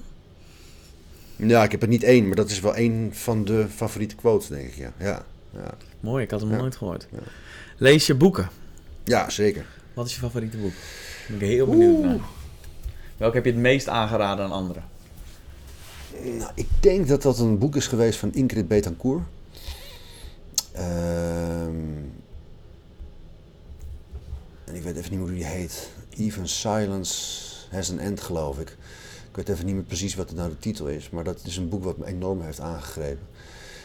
Ingrid Betancourt. Ik hou van, van autobiografieën. Oké. En, zij was een... Dit is een autobiografie van een dame die op een gegeven moment uh, als uh, politicus naar uh, Colombia ging en daardoor de FARC in gevangenschap is genomen. Zes jaar lang door de jungle heeft gezworven met de FARC, dus in gevangenschap. en wat mij zo ontzettend raakte dan aan dat boek is dat zij ondanks dat haar alles werd afgenomen, dus de vrijheid, alles werd afgenomen, zat helemaal niks meer. Alleen maar soms in de, laatste twee jaar dat ze dus door de jungle heen uh, zwierf, had ze een ketting om de nek en werd ze aan een boom vastgemaakt. Telkens werd je, en, en daar moest ze dan weer dagen blijven zitten. Dat het er dus elke keer toch lukte om de kracht in zichzelf te vinden om, om uit te stijgen boven die situatie. En alles wat ze dus aan ellende maar meemaakte al die jaren, toch elke keer weer uh, daarboven uit te stijgen. En dat betekent dus dat ze een enorme uh, ja, krachtige persoon was, die dus ehm, eh, zich niet klein liet krijgen door wat dan ook. Nou, dat is denk ik wel het mooiste boek wat ik ooit heb gelezen, wat ik ook veel mensen heb aangeraden. Ehm, verder is het zo, ik zeg, veel, veel autobiografieën, veel managementboeken, maar vooral autobiografieën. Dat vind ik leuk omdat ik het inspirerend vind. Dus ik heb er van alles gelezen. Um, Arnold Schwarzenegger, Elon Musk, uh, veel van Jack Welch. Um, ook Richard Branson. nou, heel veel van dat soort boeken heb ik gelezen. Uh, en lees ik heel graag en lees ik ook nog steeds. En daar heb je Victor je... Frankl, for Meaning gelezen? Nee, nee, die heb ik niet gelezen. Nee. Die, moet, ik lezen. ja, die is echt heel gaaf. Ja. Het is eigenlijk een, een Jood die heeft, in, uh, die heeft Auschwitz overleefd. En die was psycholoog voordat hij naar Auschwitz werd gestuurd. En die heeft daar daarna zijn bevindingen van opgeschreven. Ja beetje in lijn met het boek wat je net beschreef, zeg oh, maar. nee, dus dat ze alles van je af kunnen nemen, maar uh, niet je keuzevrijheid om te doen. Uh... Nee, goede aanrader. Nou, dat, ja, weet je, en het werkt, het werkt inspirerend, hè, dit soort boeken, vind ik. En de een meer dan de ander natuurlijk, maar je kunt daar gewoon een aantal wijze lessen uit halen. En ook proberen om sommige dingen na te streven in jouw leven. En daar word je denk ik als persoon maar van. van. Ja. ja, en dat, dat, dat is leuk. Dus dat boek wat ik overigens ook veel heb aangeraden mensen is de 4-Hour Work Week. En niet dat het ja, en niet dat het in mijn geval zeg maar, zo is dat ik maar vier uur werk. Ik denk dat is ook een enorme utopie. En het is volgens mij ook niet wat de inhoud van het boek uh, nee, uh, weergeeft. Nee, klopt. Kijk, het is natuurlijk een enorm gesjeest Amerikaan. Uh, maar er zitten natuurlijk wel heel veel leuke ehm, tools in het boek om je leven wel makkelijk te maken. en ook om hier en daar, excuus, ook misschien om hier en daar um, de belangrijkheid van bepaalde dingen um, in een ander perspectief te plaatsen. Gisteren waren natuurlijk de verkiezingen, de gemeenteraadsverkiezingen hier in Nederland. Ehm, en waar ik vroeger uh, urenlang uh, kranten las en nou ja, elk praatprogramma wel bekeken, omdat ik gewoon helemaal bij wilde zijn in de politiek, heb ik dat de laatste jaren een stuk minder gedaan. Eén, uh, je mist er niet zo heel veel aan, hè, want in de grote lijnen blijft het allemaal redelijk hetzelfde. Dus het is misschien het praatje wat je dan hebt bij het koffieapparaat met je collega, wat je dan net niet helemaal scherp zou kunnen hebben. Nou ja, whatever, dan is dat. Maar het scheelt je heel veel uur per dag. Hè? Ja, ja, dus wat ik doe, ik heb, uh, ik heb een abonnement op het Financieel Dagblad en dat lees ik op mijn telefoon. Als mijn, uh, als mijn hele gezin nog op één oor ligt, dan ben ik al wakker vaak. En dan lees ik even een half uurtje digitaal betaalde krant. Nou, dan weet ik het meeste weet ik wel van wat ik belangrijk vind. Ehm, maar ik ben dus niet urenlang de krant aan het lezen. En nou, dat komt bijvoorbeeld wel voort uit wat uh, Tim Ferriss heeft geschreven in, Ja. in 4 Hour Workweek. Ja, hij zegt geloof ik dat hij bij de, rond de verkiezingstijd doet hij zijn vijf beste vrienden, waarvan hij de mening respecteert, die belt hij op en zegt jongens, Ja. eh, ja, En Precies. zo Dan scheelt krijg je dat zelf nog één debat en op basis daarvan maakt hij een Ja. keuze. Nou, ik denk dat het Ja. een hele slim is en dat scheelt je enorm veel tijd. Dus waarom zou je dat niet doen? Dus dat is een hele leuke, dus dat heb ik gedaan. Maar bijvoorbeeld ook wat daaruit is gekomen is dat hij zegt van joh, plan ook ehm, eh, eh, af en toe een sabbatical. Ja, mini-pensioenen noemt hij Ja, dat. hè? mini-pensioenen. Dus eh, ik ben bijvoorbeeld, eh is inmiddels wel iets te lang geleden misschien, maar... Tijd ben- voor een nieuwe. Ja, eigenlijk wel. Nee, ik ben acht jaar geleden getrouwd. Dus toen heb ik tegen me, en toen had ik dus net de Bootcamp Club en ook nog mijn uitgeverij. En toen heb ik toch gezegd, joh, ik wil gewoon eh, twee maanden rond de wereld. Dus mijn vrouw en ik zijn twee maanden rond de wereld gegaan. Waarbij mijn hele omgeving zei, je bent niet goed bij je hoofd. Eh, inclusief mijn ouders. eh, en, en, en logisch, die zeiden, joh, je kan toch niet weg als je twee bedrijven hebt. En ik zei, ja, nee, dat kan wel. Eh, Ja, heb je dat toen draaiende? Daar ben ik echt Ja. super nieuwsgierig Ja, naar. dat heb je weer draaiende weten te houden toen. Ja, gewoon draaiende bij te houden. Maar het was wel dat ik dus in, in, in, in twee maanden rond de wereld ben geweest. En dat is eh, eh, ja, bagage die je op dat moment met je meeneemt, die ontzettend waardevol is. En een stuk waardevoller omdat ik twee maanden in, Amer- in, in Nederland was geweest. Dus het genieten van het leven op, op zo'n moment is ontzettend belangrijk tussendoor. En dat moet je niet pas gaan doen op het moment dat je 65 bent. Ja. Dus dat zijn van die kleine lesjes die je dan leert uit zo'n boek. Dus dat is ook wel een boek wat ik veel heb ehm, aangeraden aan mensen. Ja, Grappig, ja. grappig. Een aantal vraagjes nog. Ik ben Ja, echt leuk. gefascineerd door eh, ochtendroutines. ja. Eh, omdat ik hem zelf belangrijk vind en ook lees dat dat belangrijk is. ja. Dus ik ben heel benieuwd hoe ziet hij voor jou eruit? Grappig. Nou, de, de, de ochtendroutine is in ieder geval dat ik de eerste ben die wakker is uit het huis. En dan eh, sluip ik vaak naar beneden, omdat ik dan eh, toch eventjes vers het cardio wil doen. Oké. Dus dan zit ik, eh, ik heb een, een home trainer en daar zit ik dan drie kwartier op. En dan kijk ik bijna altijd een documentaire. Dus of op YouTube of via Netflix. en ik heb zo van die fases. Dus de ene keer dan wil ik alles weten van een bepaalde ondernemer. Dan kijk ik alles wat er te vinden is over zo'n ondernemer. Dan, Wie is de laatste die je hebt gevolgd? Nou, de laatste is denk ik wel Mark Cuban geweest. Ja, dus daar heb ik alles van gezien, denk ik wel zo ongeveer. Eh, en daarvoor was het bijvoorbeeld eh, Bill Gates en zo. En Nou ik elke keer eh, ja, mensen die dan dus gewoon alles vervolg. En ook andere soorten documentaires. hoor. Dus dat kijk ik dan 's ochtends. Lekker is mijn moment. Weet je, niemand die nog wakker is. En ik zit dan op mijn fiets en kijk gewoon lekker een docu. En dan maak ik het, het ontbijt voor het gezin. En dan eh, breng ik de kinderen naar school en dan ga ik naar mijn werk. Dat is eigenlijk elke ochtend zoals het gaat. Ja. Ja. Ja. Maar dat momentje van eh, cardio met die documentaires, echt voor Heerlijk. jezelf om... eh, Ja, ja dus de ene die gaat mediteren en op een kleermaker zit en met... ja, dat doe ik. Nee, dat is heel mooi. Met een, met een app, weet je, Ja. De Calm app of de Breathing app. en, en dat is prima. Maar voor mij werkt dit best wel meditatief.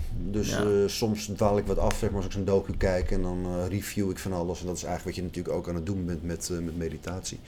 Maar voor mij is dat gewoon echt even een moment voor mezelf. Ja. Zeg maar, me voorbereiden ook op wat de dag gaat brengen. Misschien Merk je ook dat als je het niet doet, dat je dag dan minder goed Ja. is? Ja, zeker. Ja, ja, zeker. Dus nee, ik vind dat... het, gebeurt natuurlijk wel eens. Hè. Kijk, nogmaals, ik heb jonge kinderen, dus dat laat zich niet altijd helemaal leiden. Dus soms zijn die ineens wel eerder wakker, waardoor ze beneden zijn. Dan ga ik niet op mijn fiets zitten, bijvoorbeeld. Of ze zijn ziek, of er moet, nou ja, whatever. Mijn vrouw vliegt, dus die heeft ook wel eens onregelmatige tijden. Dus dan moet zij ineens opstaan en dan kan ik niet op zo'n fiets. Of, natuurlijk, het loopt niet altijd zoals ik het wil, maar ik probeer het wel. En als ik het dus inderdaad niet heb, dan voel ik inderdaad dat mijn dagen wat anders beginnen dan dat ik graag zou willen. Ja. Ja, Ja. dat heb ik ook wel, ja. ja. ja. Persoonlijke vraag. Heb jij ehm, je voorkomen wel eens tegen?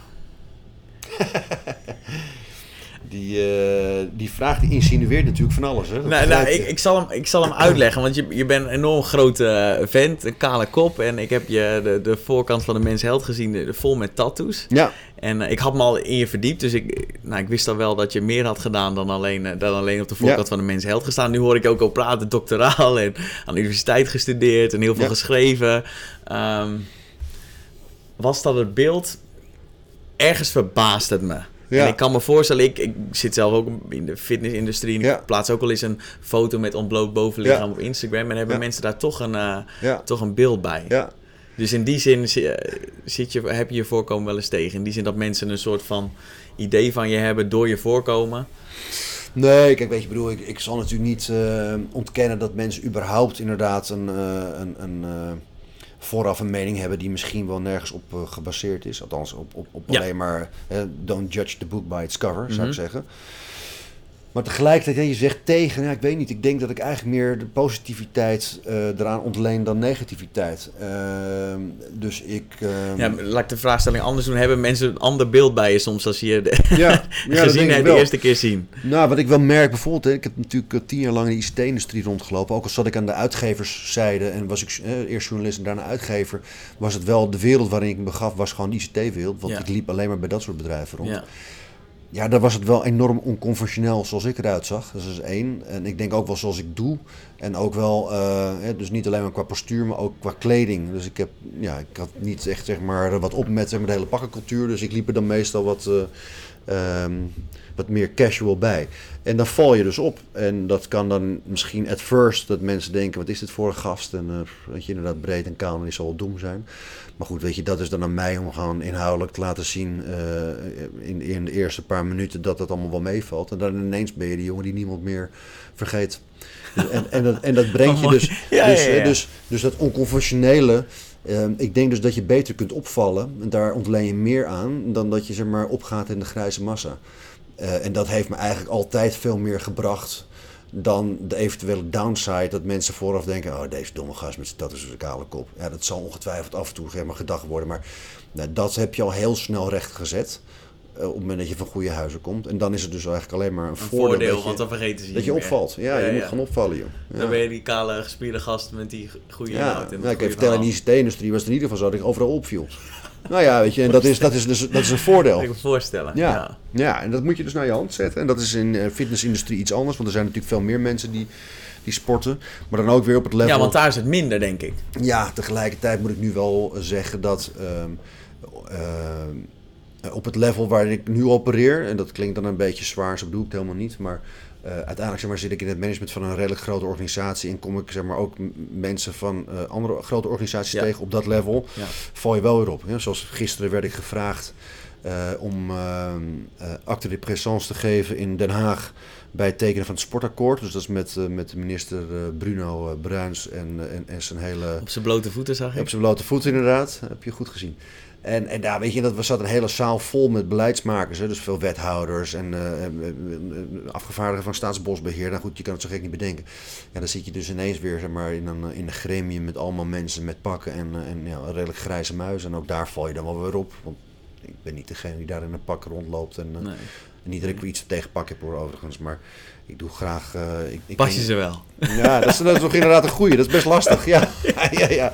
ja. Op, eh, op, maat laten maken. Ja, ja, ja. Nee, maar dus ik, ja, ik, ik, weet je, dat onconventionele, dat moet je juist. Ik bedoel, het is niet zeg maar dat ik nou uh, uh, alleen maar aan het sporten ben en mijn hoofd kaal scheer omdat ik graag op wil vallen. Nee, dat is het helemaal niet. Nee.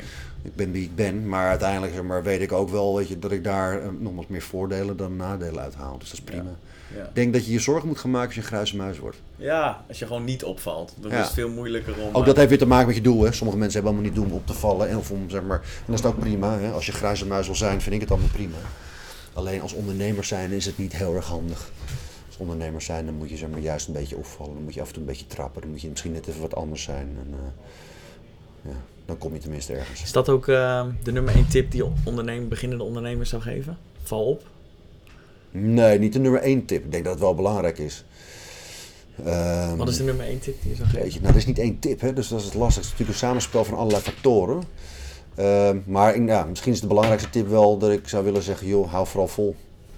Elke keer als iemand je naar beneden trapt, sta je gewoon weer op. Ja. Maakt niet uit hoe vaak, je moet gewoon elke keer weer opstaan. Dat is het enige wat je moet doen. Doorgaan, weet je wel, en, uh, en vechten. Dat is denk ik de belangrijkste tip.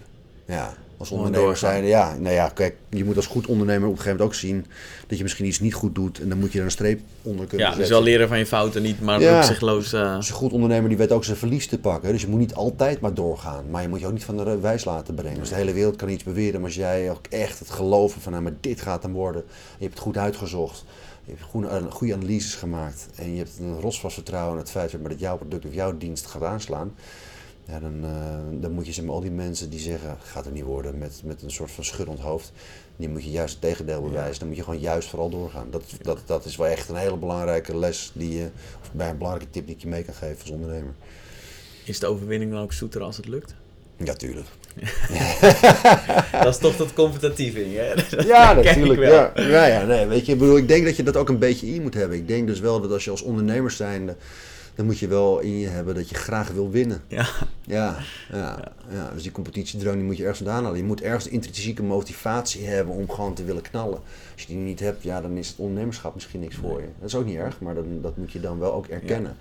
Dus als je wil ondernemen, dan moet je wel gewoon strijdbaar zijn. Dan moet je gewoon graag gewoon de extra maal willen lopen. Je moet echt graag willen knokken. En je moet ook voorbereid zijn op het feit dat je valt. Maar dan ga je gewoon weer opstaan. Je knok jezelf weer naar boven dat is wel echt belangrijk. En als je dat niet hebt, nou, daar geen bereidheid voor hebt, dan moet je er niet eens aan beginnen. Denk ik. Nee. nee. Oké. Voordat ik mijn laatste vraag stel. Ja.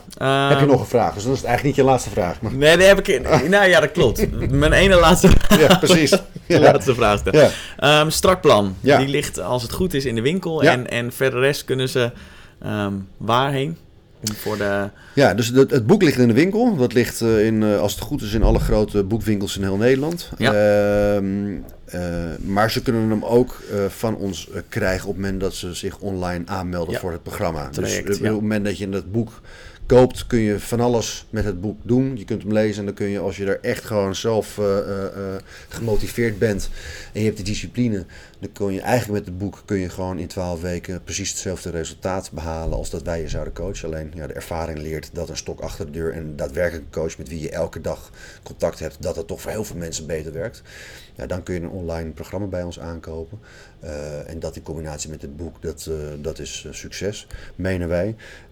dus ja, via die twee kanten, via het boek, via de boekwinkels, maar aan de andere kant ook online kun je het boek... en dan is de Bootcamp Club. Ja, NL. NL. Ja, slash strakplan. Maar als jij naar de bootcampclub.nl gaat... Dan staat het ook rechtsbovenin in de strakplan. Zie je meteen staan. Ik heb het ja. zien staan. Ja. Mijn laatste vraag. Dit vraag ik altijd aan, aan alle gasten. Als je er over um, heel veel jaar niet meer bent. Um, hoe zou je herinnerd willen worden? Ligt eraan door wie? Poeh, goede wedervraag. Um, dat laat ik aan jou. Heel makkelijk. Nee, ja, kijk, weet je, ik, ik bedoel, mijn, ik, ik, dan weer over mijn kinderen te hebben. Maar ja, goed, dat merk je al. Die liggen me natuurlijk enorm nauw aan het hart. Ja, ik zou toch wel heel erg graag willen dat mijn kinderen zich herinneren, mij herinneren als een vader die er altijd voor ze was alles voor ze over had. En ze hopelijk veel wijze levenslessen heeft uh, meegegeven. En vooral heel veel liefde heeft gegeven. Ja, dus dat, en, en als je het over mijn vrouw hebt, dan wil ik uh, hopelijk uh, zegt ze dat ze ooit een goede keuze heeft gemaakt. Geen spijt heeft gehad. toen ze ging trouwen met mij en dat ze een heel gelukkig en mooi leven met en door mij heeft gehad. Ja, weet je, en ik hoop dat mijn collega's terugkijken op een werkgever die altijd het beste met ze voor had en ook het optimale uit ze heeft weten te halen. En dat ze dus eigenlijk boven zichzelf uitgestegen zijn. Dat vind ik heel erg belangrijk als je het over collega's hebt. En joh, als je over 200 jaar en ik, uh, je zou een geschiedenisboek zeg maar, erop naslaan, zou ik het wel leuk vinden dat I left my mark. Weet je, dus dat er iets tastbaars nog is. Dat vond ik ook het mooie zeg maar, van het journalistenvak. Is dat je hetgene wat geschreven is en ook daadwerkelijk gepubliceerd, dat zou zomaar kunnen zijn dat over een paar honderd jaar nog vindbaar is. Dat is toch een beetje een ego-ding. en wat zou dat dingetje dan zijn wat je wil achterlaten? Um, nou, gewoon grappig dat er nog iets is. Überhaupt een sport. Daarom zeggen ze misschien een beetje een ego-ding. Want ja, hoe cares zou je kunnen zeggen. Ja, wat ik heel mooi, wat wij heel leuk, wat ik heel mooi vind, en dat is misschien dan wel het beste antwoord. Als je naar zakelijk kijkt. is dat ik het mooi vind. Ik heb natuurlijk tien jaar in de ICT-industrie rondgelopen als journalist en uitgever. Um, en ook is het een prachtige sector. Uh, en ook bij Vlaag echt enorm exciting. En voor een buitenstaander is het misschien moeilijk voor te stellen. Maar het is echt wel heel mooi hoe die technologie zich ontwikkelt en wat er dus allemaal mee kan. Um, vind ik het mooi dat ik daardoor uh, ook kan vergelijken met, uh, met de sector waarin ik nu zit. En de sector waarin ik nu zit kenmerkt zich toch wel echt heel erg door heel veel passie. Veel meer passie, vind ik. Uh, en um, wat ik zo mooi vind, is dat wij zijn een commerciële organisatie, dus we moeten natuurlijk ook gewoon geld verdienen. Maar uiteindelijk, in the end of the day, doen we ook wat goeds voor de mensen. Namelijk, we helpen ze, en dat doen we elke dag met heel veel gemotiveerde, professionele, goed opgeleide trainers en coaches. Helpen wij mensen natuurlijk stukje voor stukje Een stukje uh, bij beetje moet ik zeggen, uh, naar een gezonder leven. En um, ja, het grootste goed in ons leven is gezondheid. En daar is dus geluk voor een heel groot gedeelte aan gekoppeld. En op het moment dat je dus de leiding mag hebben, zoals ik, van een steeds groter wordend bedrijf, waarbij we dus een steeds grotere impact hebben op het leven van mensen in de vorm van ze dus een stukje gezonder en dus gelukkiger maken, ja, dan vind ik dat je een bevoorrecht mens bent. En dus ik zou, als je dan terugkijkt, en misschien niet ik, dus als ik er niet meer ben, maar misschien andere mensen, zou ik het wel fijn vinden dat mensen in ieder geval zien dat ik niet uh, een een of andere geldwolf was, maar dat ik zeg maar uh, leiding heb gegeven aan een commercieel bedrijf die ook wel heel erg hoog in het vaandel had staan dat ze de mensen een stukje een beetje wat beter maken. Dat zou eigenlijk wel erg mooi zijn. Mooi einde. Toch? Dankjewel, uh, Ramses. Jij bedankt, man. Hartstikke leuk.